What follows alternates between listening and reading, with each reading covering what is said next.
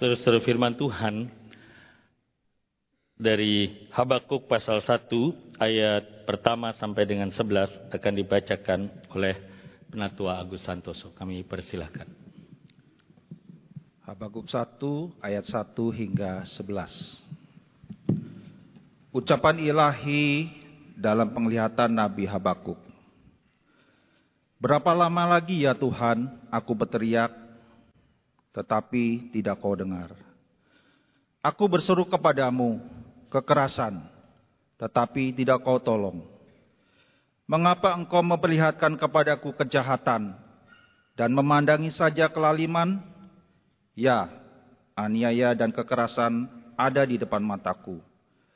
Perbantahan dan pertikaian menjadi-jadi. Itulah sebabnya hukum tak lagi berdaya dan keadilan tidak pernah ditegakkan. Sungguh, orang fasik mengepung orang benar. Itulah sebabnya keadilan diputarbalikan. Lihatlah di antara bangsa-bangsa dan perhatikanlah. Terheran-heranlah dan tercengang-cenganglah. Sebab aku akan melakukan sesuatu pada zamanmu yang jika diceritakan tidak akan kamu percayai. Sebab sesungguhnya aku akan membangkitkan orang Kasdim, bangsa yang ganas dan berangasan itu, yang menjelajahi seluruh bumi untuk menduduki pemukiman yang bukan milik mereka. Bangsa itu mengerikan dan menakutkan. Merekalah yang memutuskan keadilan dan kehormatannya sendiri. Kudanya lebih cepat daripada macan tutul dan lebih ganas daripada serigala di malam hari. Pasukan berkudanya berderap-derap. Pasukan berkudanya datang dari jauh. Terbang seperti Raja Wali yang menyambar mangsa. Mereka semua datang untuk melakukan kekerasan. Serbuan pasukan depannya seperti angin timur. Dan mereka mengumpulkan tawanan seperti banyaknya pasir raja-raja dicemoohnya, dan penguasa-penguasa menjadi tertawaannya. Ia menertawakan tiap kota berkubu, membuat timbunan tanah dan merebutnya. Mereka lalu melesat seperti angin dan bergerak terus. Mereka bersalah karena mendewakan kekuatannya. Amin. Yang berbahagia mereka yang mendengarkan firman Allah dan yang memeliharanya. Mari kita satu dalam doa. Kami bersyukur Tuhan karena Tuhan hadir. Engkau menerima setiap penyembahan kami. Sekarang Tuhan, untuk apakah kami mendengarkan penyajian dan uraian dari kebenaran firman dengan enak, dengan bagus, jika kami tidak mampu untuk melakukannya. Itu sebab kami datang memohon pertolongan roh suci supaya kami boleh diubahkan oleh firman-Mu, oleh kuasa firman-Mu, mulai dari dalam hati kami dan seluruh kehidupan kami menyongsong kepada kehidupan yang Tuhan sediakan. Untuk apakah juga kami sebentar menikmati perjamuan suci jika Tuhan Engkau tidak memberkatinya dan kami hanya melakukannya sebagai upacara agama belaka. Itu sebab kami minta supaya Tuhan Engkau menolong kami untuk mendalami untuk menghayati maksudnya Tuhan menebus kami dan penyatuan Tuhan dengan kami dan penyatuan kami dengan tubuh Kristus di mana pun berada. Terima kasih Tuhan, berkatilah jam-jam seperti ini. Kami siap menyambut dirimu dan berkatmu itu. Dalam nama Kristus. Amin. Saudara-saudara minggu pertama ini minggu yang istimewa. Selain kita uh, bergabung dengan uh, teman-teman remaja, komisi remaja, itu sebab penginjil Rituan yang memimpin pujian, lalu teman-teman Fidelis yang uh, memimpin kita dalam uh, song leaders dan juga mempersembahkan pujian. Terima kasih untuk paduan suara Fidelis yang sudah berlatih berjam-jam, uh, tapi menyajikannya beberapa menit saja saudara di hadapan kita. Serta hari ini kita juga bersama-sama dengan uh, Bapak Ibu, Oma, Opa dari uh, Kavel, betul ya, Panti Kavel, pas Panti Usia Indah Kavel, sama dengan pimpinan Bu Feni dan rekan-rekan senang bisa bergabung sama-sama menikmati perjamuan suci sama-sama dan uh, saudara um, saya harap uh, dari SMP sampai dengan usia indah bisa menyerap apa yang kita sama-sama dapatkan dari Habakuk 1. Habakuk, Habakuk 1 diusulkan oleh tim pembinaan kepada forum rohaniwan untuk menjadi lanjutan dari movement kita. Dan tema pagi ini saudara Habakuk 1 ayat 1 sampai 11 how long oh Lord? Berapa lama lagi ya Tuhan? Nah uh, tes dilewati bagian ini saudara bacaan-bacaan ini. Oke. Okay. Um, saudara kita juga sudah melewati dua bulan hampir penuh di bulan Agustus dalam movement ini. Dan juga saudara kita uh, diingatkan untuk don't give up ini untuk tiga move, move on, bergerak Terus saudara dari permasalahan hidup. Dan kalau boleh saya tambahkan di dalam permasalahan hidup bukan cuma dari lalu kita move in. Di dalam permasalahan kita kita memiliki kelompok kecil kita kita memiliki komunitas kita lalu kita move up kita menuju kepada apa yang Tuhan kehendaki yang Tuhan rancangkan di dalam kehidupan kita. Kita bergerak ke atas, kita menyatukan hati kita dengan hati Allah. Dan saya harap saudara hari ini, bagian ini juga menolong kita untuk move up. Lalu saudara, saya memulai dengan contoh ini. Daripada memakai contoh negara lain, saya lebih baik pakai contoh negara Amerika Serikat. Uh, teman-teman Fidelis pernah dengar Richard Nixon?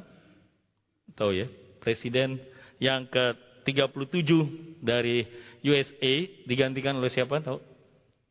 Uh, Gerald Ford uh, sebelum waktunya ganti. Saudara, ia presiden yang pertama kali mengundurkan diri dan presiden yang diimpeach yang walaupun kemudian Bill Clinton pernah dimakzulkan, diimpeach tapi tidak gugur. Um, Donald Trump juga dua kali saudara diimpeach tapi tidak gugur uh, Nixon waktu yang uh, kesempatan sebelum diimpeach dia mengundurkan diri. Saudara, mengapa demikian? Nixon bukan presiden yang tidak punya prestasi. Apollo 11 mendarat di bulan, saudara itu di zaman Richard Nixon.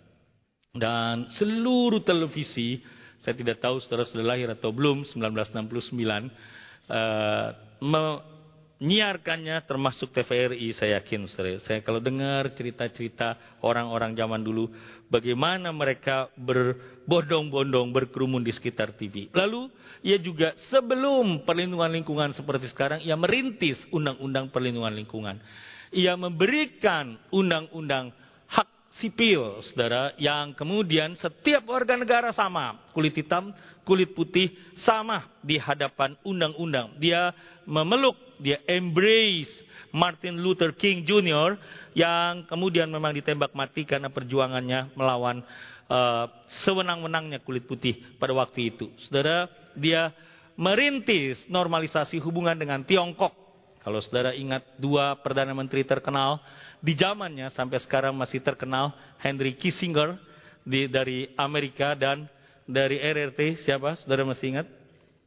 Choi Enlai, saudara ya, yang bertemu dan kemudian mereka uh, berkomunikasi dengan begitu banyak anekdot, banyak meme tentang bagaimana komunikasi mereka. Dia mengakhiri perang Vietnam 73, itu berarti sesungguhnya Amerika mengakui kekalahannya di Vietnam. Saudara, tapi skandal Watergate um, yang membuatnya mundur. Ia tetap terpilih walaupun dia curang. Dia mengerahkan alat-alat negara, yaitu badan intelijen negara, tim kampanye untuk menyadap, untuk mencuri dari kubu, kubu seberang. Dan uh, dia memakainya untuk kepentingan kemenangannya di periode kedua. Dia sempat memerintah dua tahun ketika impeachment dari DPR Amerika menggoncangnya sebelum diimpeach dia mengundurkan diri. Amerika goncang pada waktu itu karena uh, kepresidenan belum pernah terjadi sebelumnya mengundurkan diri. Apalagi saudara Kemudian Nixon ini dari Partai Republik. Amerika cuma dua partai, Partai Republik dan Partai Demokrat. Demokrat yang liberal, yang tidak kenal Tuhan, yang tidak peduli Alkitab, kira-kira begitu, walaupun disumpah pakai Alkitab. Republikan, saudara Republik lebih Kristen, termasuk Kristen yang agak ke kanan, saudara ya. Dia berasal dari partai yang lebih Kristen dibandingkan Demokrat, tapi ternyata tidak jujur. Puji Tuhan, saudara ya, dia tetap pada waktu uh, kemudian dipojokkan, dia mengambil langkah untuk mengundurkan diri. Kita tidak membandingkannya dengan kondisi negara lain, termasuk negara Konoha, lebih baik kita bandingkan sekarang dengan Habakuk. Saudara, apa yang membuat Habakuk bergumul dan berseru di Habakuk pasal 1, ayat 1 sampai dengan selesai. Bukan cuma berhenti di ayat yang ke-11 nanti. Karena ini, karena kepemimpinan yang bobrok. Korap jangan cuma diterjemahkan sebagai korupsi, saudara, tapi kepemimpinan negara yang sudah rusak pada waktu itu. Raja Yoyakim sesungguhnya memiliki papa, Raja Yosia yang begitu bergelora mereformasi kehidupan bernegara setelah menemukan kitab ulangan. Dan ada kebangunan rohani yang besar sekali. Sistem undang-undang diperbaharui di zaman Yosia tapi begitu cepatnya saudara kemudian kehidupan yang mengasihi Tuhan yang takut akan Tuhan hilang lenyap ketika raja berganti. Uh, Apakah kemudian Yosia bisa disalahkan? Kalau saudara menghitung, Yosia punya anak Yoyakim, kemungkinan umur 14 tahun. Karena dia memerintah negeri waktu umur 6 tahun. Jadi sangat muda, tidak cocok menjadi papa, tidak bisa disebut my father, my hero, saudara, tapi sudah punya anak. Dan kemudian akibatnya hasilnya Yoyakim.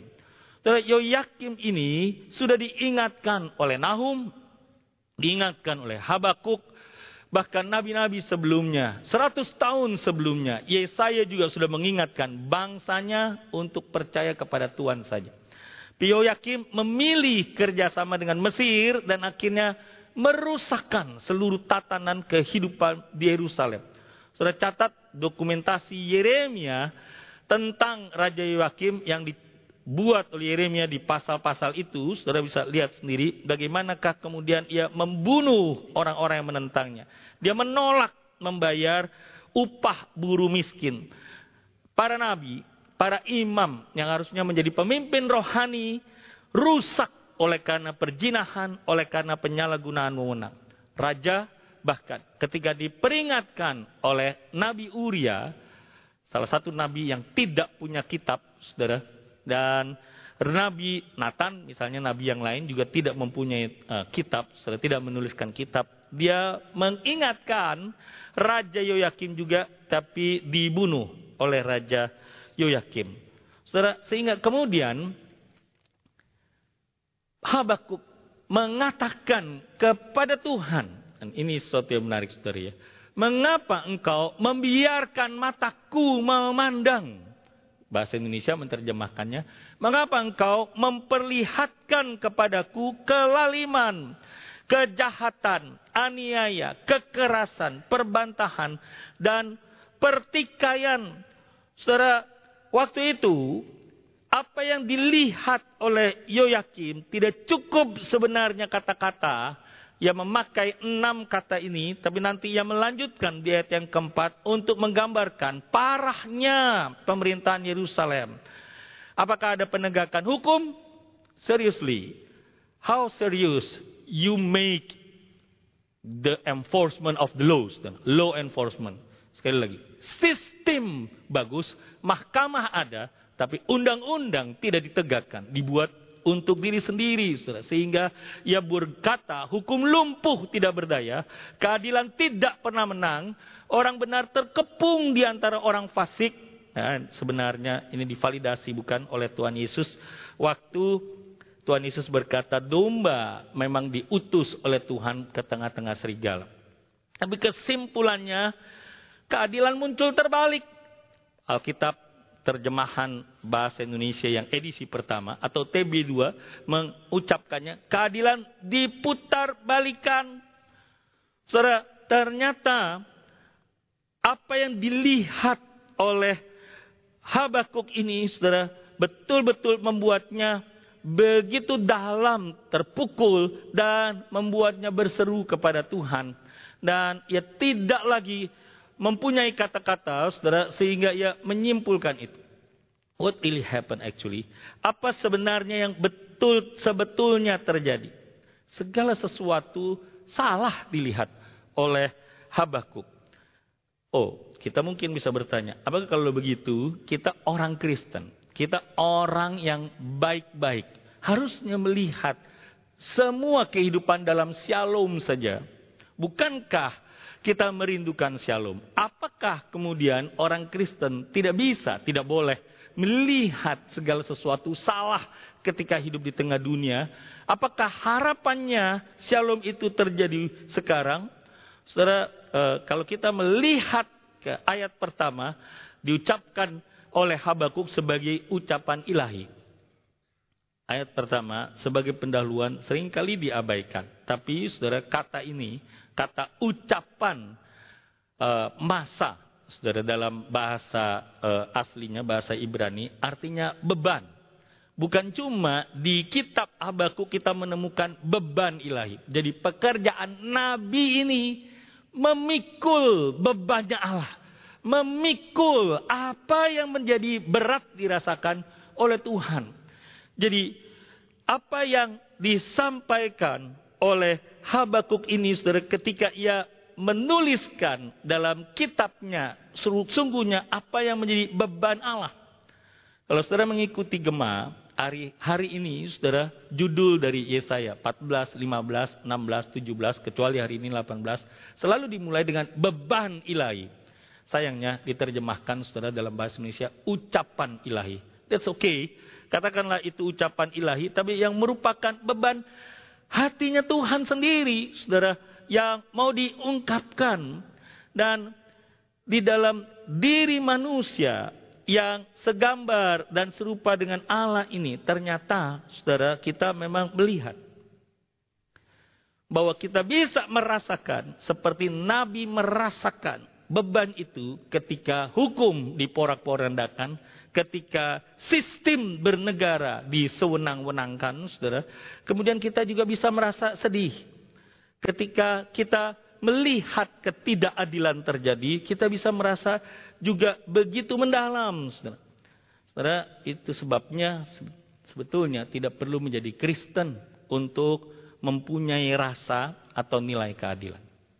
Karena Tuhan yang memberikan kepada kita waktu kita dicipta segambar dan serupa dengan Allah bukan cuma hati nurani, bukan cuma nilai moral, tapi karena ada gambar, ada rupa Allah di dalam diri kita yang kemudian karena dosa memang menjadi rusak, bukan hancur total, bukan absolut, bukan depraved, bobrok mutlak, saudara, tapi rusak secara total, depraved, total depravity, not absolute depravity, saudara. Tapi walaupun rusak, tetap kita punya nilai rasa keadilan. Itu sebabnya ketika ketidakadilan terjadi, budayawan bisa baca puisi. Itu sebabnya mengapa budayawan bisa menangis. Itu sebabnya mengapa saudara mereka bisa menuliskan surat. Demi apa saudara? Demi rasa keadilan itu yang kemudian disampaikan. Demi nilai rasa keadilan itu. Jadi kalau begitu apakah berapa lama lagi ini merupakan tanda depresi? Saya kok tidak setuju saudara ya. Tema kita hari ini adalah How long, O Lord? Berapa lama lagi saudara?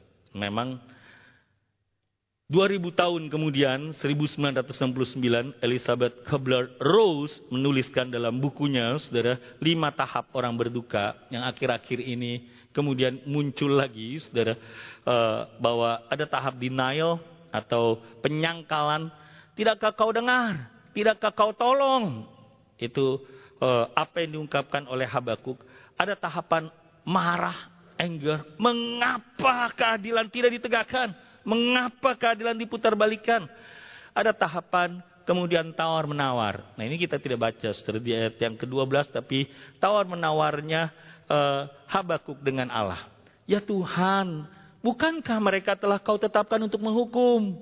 Aslinya tanda tanya. Dalam bahasa Ibrani, saudara, kalimat tanya itu menegaskan. Atau kalimat yang diulang itu menegaskan. Atau kata yang diulang bahkan menegaskan. Aku, akulah terang dunia. Tuhan Yesus mengucapkannya dua kali sebetulnya. Aku, akulah roti hidup. Aku, aku berkata kepadamu, ego, emi, saudara. Itu pola bahasa Ibrani. Atau ketika Daud bertanya, siapa perempuan yang sedang mandi itu? Prajuritnya menjawab, bukankah itu istri Uria, orang Batseba? Mau menegaskan, Daud itu istri orang. Nah sekarang saudara bahasa Indonesia kehilangan keindahannya ketika mengganti kalimat tanya itu menjadi kalimat indikatif sebetulnya. Pertanyaannya merupakan tawar menawar. Ya Tuhan, bukankah mereka telah kau tetapkan untuk menghukum? Ya gunung batu, bukankah mereka telah kau tentukan untuk menghajar? Lalu depresi. Mengapa? Mengapa? Walaupun akhirnya nanti Habakuk menerima dia berkata, orang benar akan hidup oleh imannya saja. Tidak peduli dengan pohon anggur tidak berbuah, pohon ara tidak berbunga, dan seterusnya. Saudara. Tapi apakah itu menunjukkan depresinya Nehemia? Menurut saya tidak, saudara. Sorry, menunjukkan depresinya Habakuk, saudara. Tidak. Kata berapa lama lagi kata mengapa yang diucapkan oleh nubuat satu memang menunjukkan beban tadi. Tapi yang pertama-tama menyiratkan kepada kita bahwa sang nabi telah berulang-ulang menghabiskan memohon kepada Tuhan waktu untuk peduli terhadap situasi yang terjadi dalam zamannya.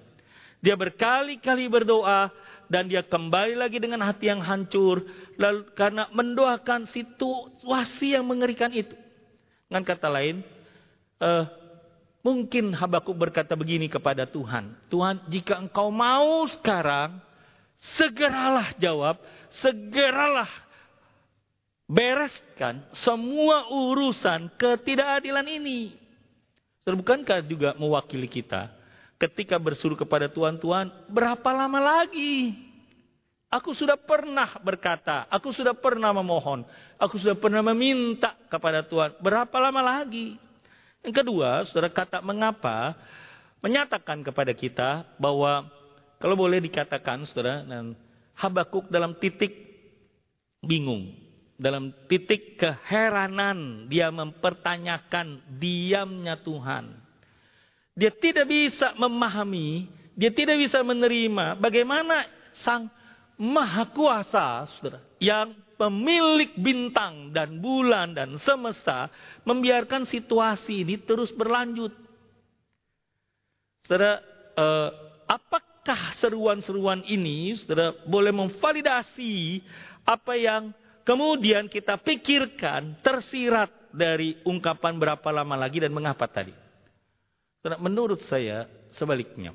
Ada hal yang sedang diajarkan oleh Alkitab kita tentang bagaimana kita berkomunikasi, berelasi, berdialog dengan Tuhan. Yang diungkapkan dengan kata meratap, dengan kata sorry, dengan kata berapa lama lagi dan mengapa bukanlah depresi, tapi merupakan meratap atau ratapan. Sudah paling tidak kita melihat dalam bagian ini bahwa Habakuk tadi bisa merasakan apa yang menjadi beban, dapat merasakan menangisnya hati Allah. Dan by the way, Saudara, kalau kita bisa menangis seperti menangisnya Tuhan, itu anugerah tersendiri. Itu menunjukkan bahwa kita tidak mati rasa itu menunjukkan bahwa kita bukan sedang tidak peduli terhadap apa pun yang terjadi, termasuk dalam kondisi bangsa.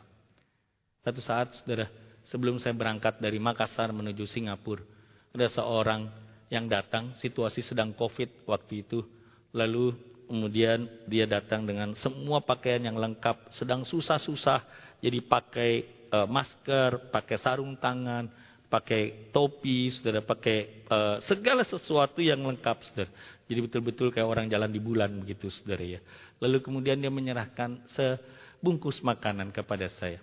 Kemudian uh, saya berterima kasih untuk hal yang kecil yang dia berikan kepada saya. Kemudian dia berkata begini, Pak, bersyukurlah Pak Riko punya karunia menangis.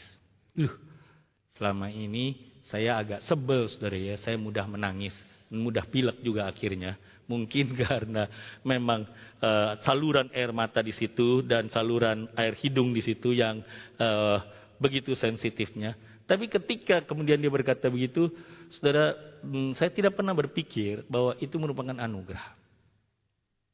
Saudara, kalau kita diberikan hati yang uh, sejajar dengan hatinya Allah, seperti hati Habakuk, bersyukurlah. Saudara, apakah Tuhan pernah bertanya berapa lama lagi? Pernah. Yahweh ketika memberikan dua porsi mana di hari sebelum sabat lalu dilanggar oleh orang Israel. Mereka ambil sebanyak-banyaknya karena mereka takut tidak ada cadangan. Kalau nanti hari sabat tiba, hari ketujuh tiba, lalu Tuhan menyampaikan ratapannya. Berapa lama lagi? Waktu laporan dari sepuluh mata-mata yang kembali dari Kanaan kepada Yosua dan kepada Musa Lalu mereka berkata, nggak usah pergi, nggak usah nyeberang. Orang raksasa di tanah Kanaan. Lalu Tuhan ketika mendengar ungkapan Musa, Tuhan berkata demikian, berapa lama lagi? Saudara, dengan demikian sesungguhnya kita tidak ragu-ragu bahwa Tuhan pun pernah menyampaikan ratapannya itu, toh Tuhan tidak pernah depresi bukan? Tapi itu merupakan ratapannya, itu cara Tuhan menyampaikan isi hatinya. Jadi kita tidak ragu bahwa Tuhan ikut serta dalam penderitaan Nabi, Nabi Habakuk dengan penuh simpatinya. Tuhan yang panjang sabar itu Tuhan yang begitu murah itu, saudara, bukanlah kemudian menjadi penyebab keterlambatannya dalam menegakkan keadilan. Bukan. Saudara, bukan karena dia panjang sabar, jadi dia terlambat menolong. Bukan. Tapi justru karena dia panjang sabar, dia menunggu-nunggu Yoyakim untuk bertobat. Ketika ditegur oleh nabi demi nabi, demi nabi, demi nabi, tapi kemudian tidak juga balik dan Tuhan bukan sedang berlambat-lambat. Dan dalam masa-masa itu ketika saatnya belum tiba, dia ikut menderita bersama dengan rakyatnya, umatnya di dalam kesedihan. Saudara dalam ratapan Habakuk, Tuhan menarik hati Habakuk dekat ke hati Allah. Itu sebabnya ia tidak protes, ia tidak tegur, Allah Yahweh tidak menyalahkan Habakuk ketika meratap berapa lama lagi. Kelak, kelak saudara. Orang-orang kudus yang sudah diglorified, sudah mengalami glorification, sudah mengalami penyempurnaan dari Tuhan, digambarkan saudara oleh sang penulis kitab Wahyu merindukan keadilan, balasan yang adil yang semestinya menimpa orang jahat berseru dengan suara nyaring dalam Wahyu 6 ayat 10. Apa seruannya? Berapa lama lagi? Saudara, sama seruannya. Berapa lama lagi? Selama misteri kejahatan masih berlangsung.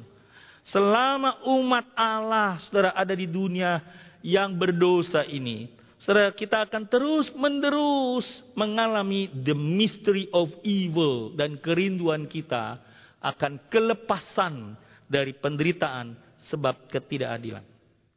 Yang kedua, saudara, ratapan selain anugerah juga memberikan jalur iman dan percakapan yang jujur, yang benar, yang tanpa rasa bersalah kepada Allah Yahweh pada saat-saat mengerikan. Saudara, kita jarang mengungkapkan seni lament ini. Biasanya pada waktu Lent pada waktu masa-masa menjelang Jumat Agung dan Paskah, baru kemudian kita membacakan puisi lamentation. ratapan. Lalu kalau masa menjelang uh, Natal ini, saya mencoba memakai stola yang hijau, saudara, tapi nggak mirip dengan uh, warna hijaunya Natal, tapi nggak apa-apa loh, saudara. Mengingatkan kita pada masa Advent. Lent, saudara, sebenarnya upaya untuk meratap. Saudara, kata-kata ratapan, berapa lama ada dalam sepanjang kitab Mazmur. Pertanyaan mengapa berulang-ulang diucapkan di dalam Mazmur. Kitab Ayub dan tentu saja kitab ratapan yang dituliskan oleh Yeremia dikhususkan untuk mengungkapkan keheranan, kebingungan. Saudara bayangkanlah, saya tidak bernubuat saudara dan saya tidak meramalkan dan kalau boleh amit-amit jabang bayi begitu saudara ya kalau boleh sebut begitu tapi Yeremia pernah satu kali mengungkapkan, juga saya mengungkapkan begini. Di bait suci yang megah ini, tidak ada satu tegel yang utuh karena dirusak oleh Babel. Saudara bayangkanlah, kalau seandainya gedung gereja kita yang megah ini, lalu seorang pengkhotbah berani berkata begini, 100 tahun lagi, tidak ada satu tegel yang bahkan retak di tempat ini semuanya akan hancur berantakan sebab kamu tidak bertobat, sebab kamu tidak kembali kepada Allah. Terbayangkanlah. Dan waktu itu Yeremia menuliskan dalam kitab ratapannya.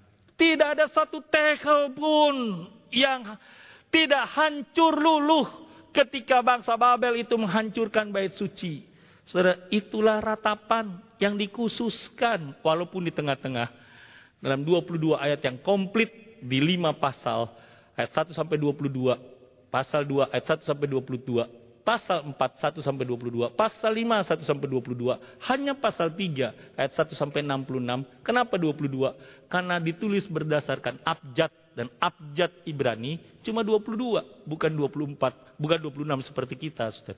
Lalu Saudara, hanya dalam pasal yang ketiga ada kalimat di tengah-tengah ratapan itu kasih setia Tuhan tidak berkesudahan, selalu baru setiap hari. Tapi balik lagi, pada hakikatnya kitab ratapan adalah kitab meratap. Saudara Yesus sendiri meratap kepada Bapa dari atas kayu salib dan menggunakan kalimat di Mazmur 22. Allahku, Allahku, mengapa? Mengapa engkau meninggalkan aku? Dan seperti Habakuk, Yesus memberi contoh buat kita jadi bukannya kalau dikatakan harus mengucap syukur atas segala sesuatu. Lalu kalau kita menderita, kalau kita susah, puji Tuhan, puji Tuhan, puji Tuhan. Tidak gitu juga saudara. Tuhan inginkan kita yang jujur. Mengapa Ayub tidak disalahkan oleh Tuhan dalam kitabnya? Karena dia jujur. Semua ucapannya termasuk kalau boleh dikasih tanda petik. Kutukannya tidak diarahkan kepada manusia, kepada Tuhan waktu dia sakit hati dan dia sakit hati itulah anugerah saudara. Tuhan itu merelakan dirinya dihujam dengan sakit hati kita. Walaupun sebenarnya ia sedang menggenapkan rancangannya dalam hidup kita. Waktu kita meratap.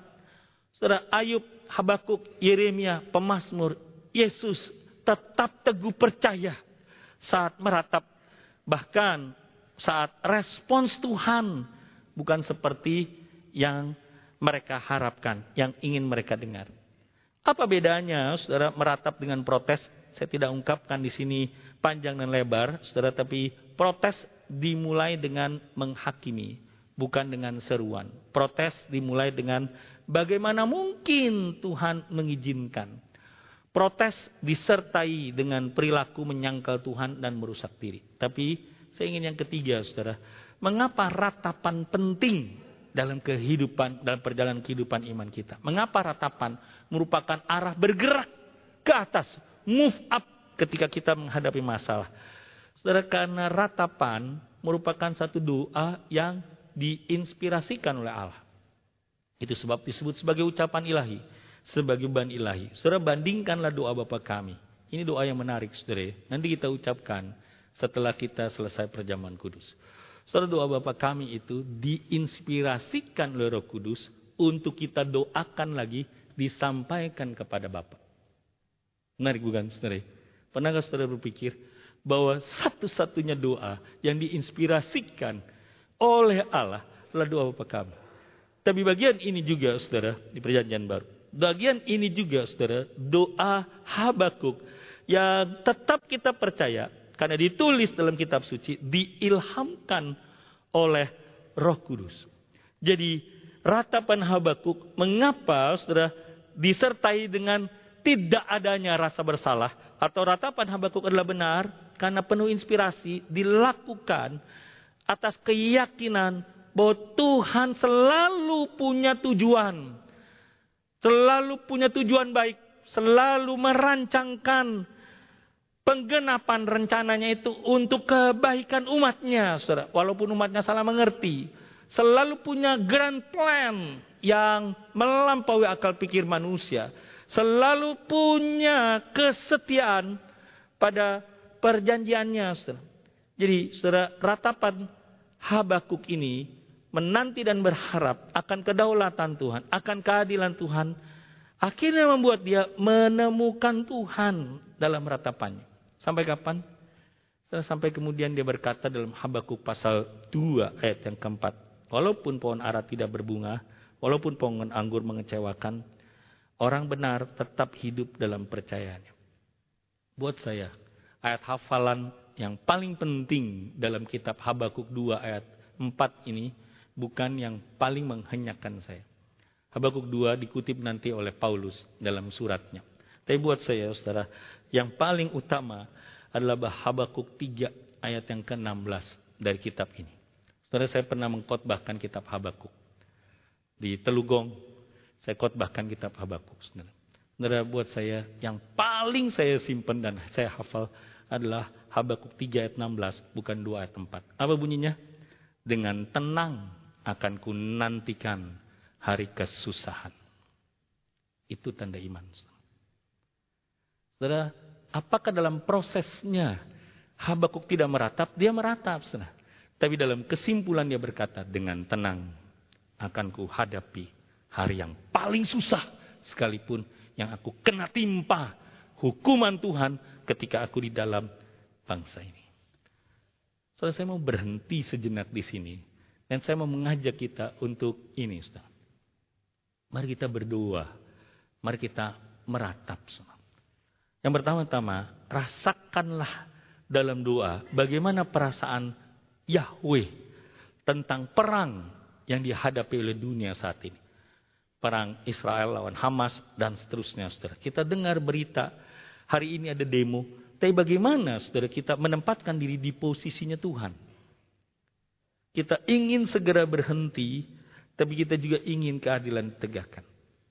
Atau saudara, kalau kita di warung kopi, di berbagai tempat diskusikan tentang Indonesia, pernahkah kita menyampaikan situasi Indonesia ini kepada Bapak kita? Saya ingin kita berhenti, saudara, mengungkapkan pada hati Bapak soal orang-orang jahat itu. Saudara boleh nyanyi, aku sudah tidak marah. Aku sudah tak marah lagi walaupun masih teringat. Tapi masih ada. Mungkin saudara yang impactnya mempengaruhi kehidupan saudara sekarang. Saudara mari meratap kepada Tuhan. Nggak usah kutukin orang-orang itu. Tapi mari meratap kepada Allah. Menyerahkan saja kepada Bapak. Mari ekspresikan kalau ada hal yang tidak fair. Tidak adil. Saya sudah melayani tapi saya tidak menerima seperti yang saya harapkan. Saya sudah setia hidup, tapi saya seperti ini. Saya terjerat itu. Saya alami ini. Saya kesulitan ini. Setelah tiga empat menit, mari kita berdoa. Apa isi doanya? Doanya ini, saudara. Lalu saya ingin instrumen lagu ini, Jesus Strong and Kind, akan menolong kita dalam doa. Mari tengah-tengah khotbah kita berdoa meratap untuk empat ini. Empat hal ini. Apa saja yang saudara mengungkapkan dan mari kita belajar meratap. Masing-masing dalam teduh berdoa. Kita percaya dia baik, dia kuat.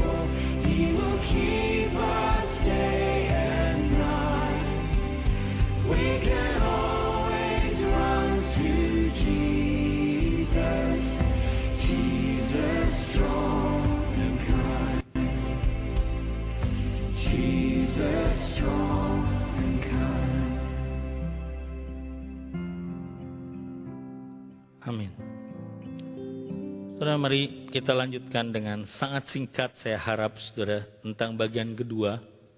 Saya eh, bertanya-tanya mengapa tidak selesai di ayat 4 saja, saudara. Tapi kalau tidak disampaikan ayat 5 sampai 11, saudara akan lompat minggu depan ke ayat yang ke-12. Saudara, dengan cepat. Bagaimana kalau begitu ketika Habakuk meratap respon Allah? Saudara, doa yang tidak terkabul, yang tidak sesuai dengan keinginan Habakuk, eh, bukan artinya Tuhan tidak merespons. Tuhan merespons dengan empat kata, lihatlah, dan variannya, dan enam kata kalian. Lihatlah kalian di antara bangsa-bangsa, perhatikanlah kalian, terheran-heranlah kalian, tercengang-cenganglah kalian. Yang pertama menyiratkan sebetulnya eh, menarik saudara bahwa eh, bagaimana Habakuk mencatat responnya Tuhan. Eh, Kata yang dimainkan oleh Habakuk di ayat yang ketiga, mengapa engkau mengizinkan mataku melihat ketidakadilan? Lalu sekarang Tuhan membalas apa yang diucapkan oleh Habakuk dengan kalimat juga lihat. Mengapa engkau memperlihatkan padaku dijawab dengan lihatlah dan lihatnya saudara beberapa kali sampai empat kali. Apa yang dilihat? Aku akan melakukan sesuatu pada zamanmu yang yang jika diceritakan tidak akan kamu percayai.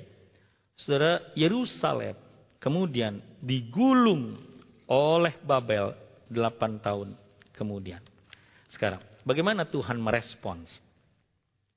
Saudara eh, Tuhan langsung jadi speaker, Tuhan langsung jadi pembicara. Tuhan berbicara langsung sekarang ternyata bukan kepada Habakuk.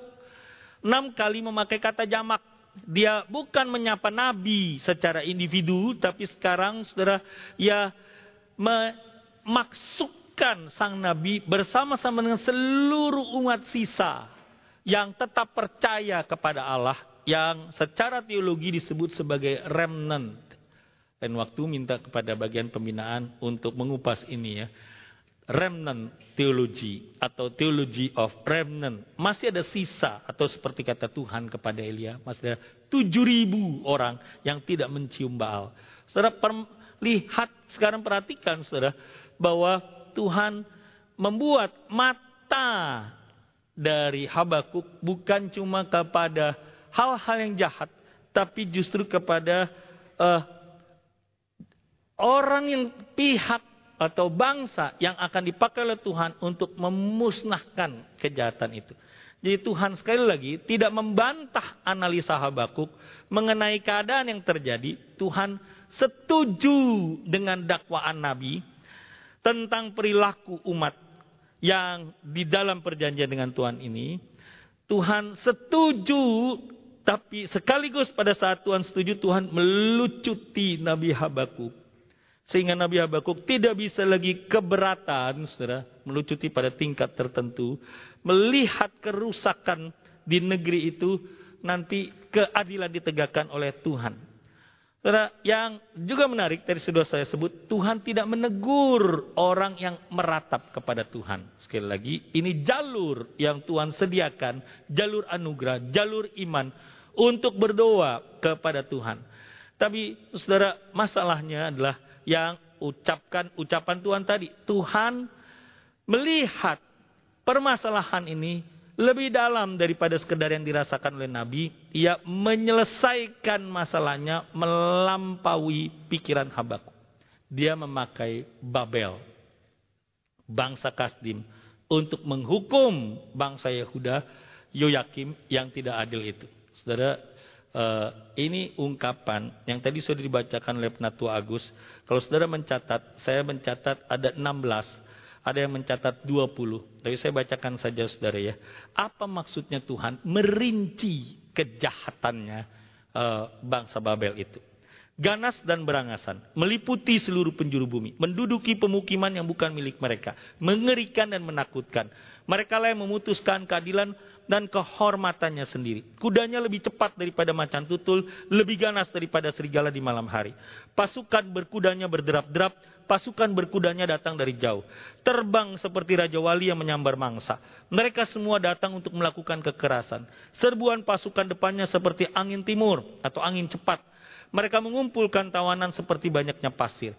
Raja-raja dicemoohnya dan penguasa-penguasa menjadi tertawaannya. Mereka menertawakan tiap kota yang berbenteng, membuat timbunan tanah atas kota yang dihancur leburkan dan merebutnya. Mereka melesat seperti angin dan bergerak terus.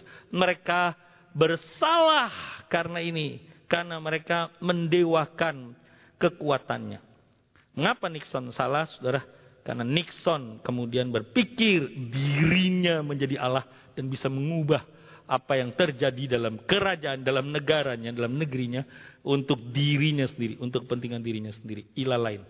Saudara, cara kerjanya Allah dengan merinci seperti ini sebetulnya apa, Saudara? Sebetulnya Tuhan mengakui bahwa hukumannya keras. Sudah 20 tahun sebelumnya, Babel itu bukan siapa-siapa, tidak ada apa-apanya Kalah masyur, kalah hebat dengan Asyur, dengan Mesir, dengan Ethiopia, dengan negara-negara di sekelilingnya, dengan Tirus dan Sidon. Tapi dalam 20 tahun itu Babel mengalahkan ibu kota lama Asyur, ibu kota barunya Niniwe.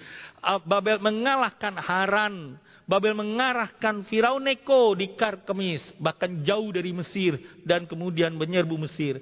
Dan akhirnya Yerusalem hancur lebur Seluruh Yehuda diangkut ke Babel 586 sebelum Masehi. Saudara Raja Babel sesungguhnya sudah menjadi penguasa atas Babel, atas Asyur, atas Syria, atas Palestina, atas Mesir, atas Yehuda, atas Israel tentunya kerajaan utara. Namun saudara Babel dengan mudah dikalahkan oleh Kores, Raja Persia tahun 539. Kenapa? Lagi-lagi. Karena Tuhan yang mau menggenapkan rancangannya. Setelah Tuhan, kalau kita melihat Tuhan hanya dari sudut pandang Israel, saudara anak muda sekarang bilang apa? Main lu kurang jauh. Tuhan itu penguasa seluruh dunia. Dia bisa memakai Babel, tapi Babel juga dengan sekejap yang gagah perkasa itu, yang dengan detail diungkapkan kegagahannya, kehebatannya oleh Habakuk. Lenyap ketika Tuhan mau lenyapkan. Karena kekuasaan, saudara, ada di tangan Tuhan. Saudara, Tuhan betul. Dia sabar, dia sangat sabar, saudara. Tapi Tuhan sebenarnya menunjukkan bahwa rincian itu mau menunjukkan hukumannya begitu keras karena dalam kesabarannya Tuhan juga adil. Dia mau menyatakan bahwa manusia dengan dosanya begitu jahatnya sehingga ketika kejahatannya begitu komplit, maka harus dihukumkan juga dengan begitu komplit dari bangsa yang begitu gagahnya ini, begitu hebatnya ini, begitu jayanya pada waktu itu. Saudara, sehingga apa yang diucapkan oleh Tuhan kepada Habakuk harusnya terngiang kepada kita sekarang. Lihatlah, perhatikanlah, terheran-heranlah, tercengang-cenganglah nanti saat kiamat tiba, walaupun sulit dipercaya oleh otak manusia, Kristus yang lemah lembut itu sekaligus menjadi hakim yang tegas, hakim yang tuntas, hakim yang adil, yang menghukumkan sampai final. Saudara, bagaimana kemudian kita percaya bahwa Kristuslah hakim yang final, hakim yang adil itu, saudara. Saudara, karena Gak usah kemudian kita pikir bahwa mereka itu tidak percaya Pak. Kita menerima sudah apa yang dikerjakan oleh Kristus. Yesus mati dan bangkit. Termasuk untuk mereka yang tidak percaya. Tapi karyanya itu kebangkitan. Kematian dan kebangkitan Kristus. Bagaimana Kristus menggantikan kita menghadapi penalti final atas dosa di atas kayu salib itu, saudara merupakan bukti bahwa karyanya hanya efektif bagi mereka yang merespons terhadap karya Allah. Dan kita sebut itu dengan iman. Kita menerima apa yang dikerjakan itu dengan iman. Jadi saudara yang belum percaya kepada Kristus, yang belum menerima iman, belum menerima Kristus dengan iman, percayalah sebab-sebab dalam keadilan, dalam pengadilan terakhir, dia akan membenarkan dan itu disebut sebagai justification. Orang yang bersalah ini, si Riko orang yang berdosa ini, kemudian dia sebut not guilty. Disebut sebagai orang benar, sudah diampuni sebab Kristus menanggung hukumannya di atas kayu salib itu. Kristus sudah dihukum menggantikan dia. Jadi pesan dari proklamasi iman Habakuk yang bentuk dialog ini adalah Tuhan menarik kita dalam kehidupan iman yang setia, dalam relasi hati dengan Dia, tapi juga ketika kita menderita, kita ingat saudara bahwa penderitaan Kristus di atas kayu salib yang menggantikan kita, disalibkan atas kita, saudara, supaya kita tidak lagi dihukum atas dosa, supaya kita tidak lagi masuk ke dalam neraka jahanam itu, Supaya akhirnya kita mempunyai pengharapan kepada Kristus saja untuk keadilan yang sejati. Saudara, jika hukuman final saja Kristus mau menggantikan kita ke dalam neraka yang gelap, yang paling gelap, yang paling kelam, kegelapan yang paling kelam, dia sampai berseru, Allahku, Allahku, mengapa engkau membiarkan aku? Saudara, itulah hakikat neraka sesungguhnya manusia dibiarkan oleh Allah dalam penghukuman untuk selama-lamanya. Saudara, Kristus menggantikan kita. Dia tidak pernah masuk neraka, tapi posisinya di salib itu, ketika ia berseru itu, saudara, ia berteriak itu, Allahku, mengapa engkau meninggalkan aku? Dia alami kondisi neraka. Supaya saudara dan saya tidak alami lagi. Karena itu percayakah saudara? Terimakah saudara? Oh saudara, kalau begitu, kalau Kristus sudah tunjukkan itu kepada kita, apa yang kita takutkan sekarang? Walaupun manusia bisa tidak adil, pemimpin bisa tidak adil, kita tidak perlu takut lagi. Teman-teman, teman-teman Fidelis, apa yang ditakutkan? Takut tumbuh dewasa? Takut jadi kecewa? Takut tidak seindah atau tidak sekuat yang kukira? atau takut nanti tidak seperti yang dipinta pada pertengahan 25. Kata-kata siapa itu saudara ya? Nanti cari sendiri anak-anak remaja. Tapi apa yang kita dapat dari Habakuk pasal 1 ayat 1 sampai 11 hari? Satu, Allah kita adalah the God of grace, Allah kasih karunia yang mengizinkan bahkan mengundang orang percaya untuk meratap dan dia menerima dengan hatinya kalau saudara mengalami ketidakadilan itu. Pribadi ataupun sebagai bangsa. Allah memberitahu Habakuk tentang malapetaka yang menimpa Yerusalem. Tuhan yang memunculkan bencana itu sebagai langkahnya untuk membalas ketidakadilan. Habakuk dan umat sisa yang setia diharapkan bersiap menghadapi kesusahan dan penganiayaan yang akan terjadi karena mereka masuk tetap di dalam bangsa itu. Apakah kita mau menerima apa yang tidak sepenuhnya kita pahami sekarang? Apakah kita hidup tetap dalam pengharapan kepada Yahweh? Walaupun masa depan kita mungkin gelap, mungkin tidak seindah yang kukira, mungkin tidak sekuat yang kukira. Apakah kita tetap berharap pada Yahweh bahkan dalam kematian yang paling kelam sekalipun yang kita songsong termasuk ketika kita lanjut usia. Mari kita berdoa.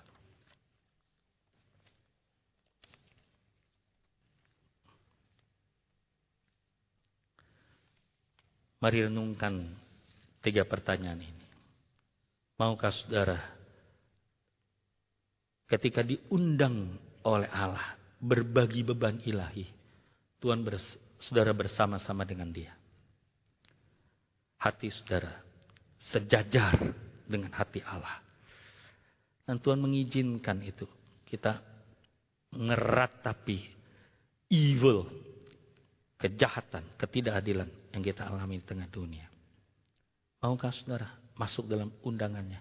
Meratap bersama dengan dia, meratap. Apakah kita